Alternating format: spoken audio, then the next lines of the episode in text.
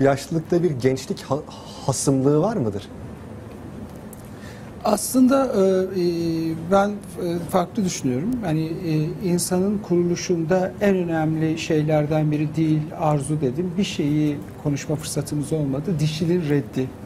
Dişinin reddi eksikliğin reddi. Çünkü eksikliği görmek, eksikliğimizi görmek, hakikati görmek oluyor. Dişinin reddinden Dişil diyelim, eksik olana eksik. Çünkü ataerkil bir şey e, soracağım. Bu cinofobya denilen e, kadın düşmanlığı diye tanımlanan şeyle bir alakası yok değil mi Yani bahsettiğin? kadınlar dahil hepimizi kadın düşmanı yapıyor. Çünkü eksikliğe katlanamıyoruz.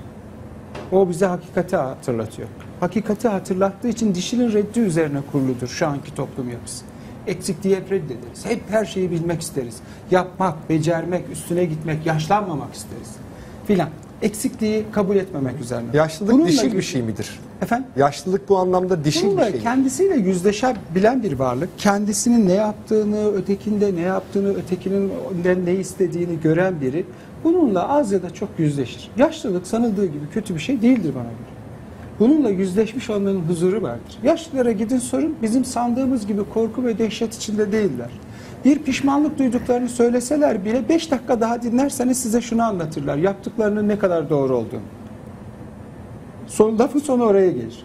O özellik ve özgürlük yanılsaması, o ötekinde kurulup şey, ondan vazgeçmek istemez insan.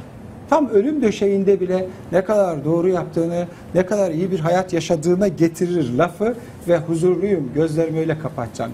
Ölmekten korkan biziz. Yaşlılar niye korksun? Ölüm rahatlatıyor zaten onu.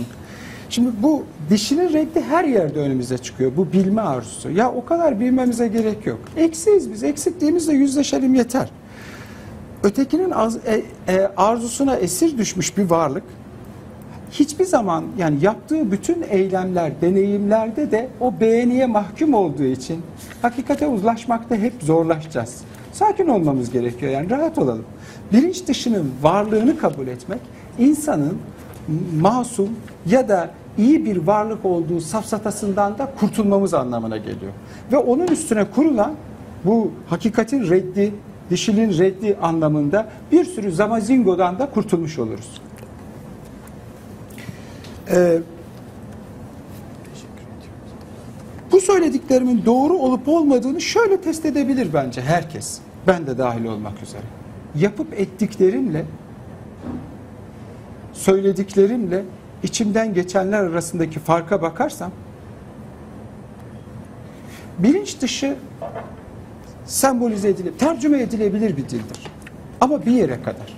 Düşleri yorumlayabilirsiniz, düş çalışması yapabilirsiniz, düş düşüncesini açıklayabilirsiniz ama bir yere kadar. O ka- kastrasyon kayasına gelip çarpacağız. Bir yerde açıklayamayacağımız, e, eksik kalacak bir şey olacak. O yüzden konuşabilen bir varlık, konuşan kim? Ötekinde kuruldum ya, içimdeki öteki aslında konuşan. Bu yüzden ben özdeşleştiğim zaman yabancılaşmış oluyorum.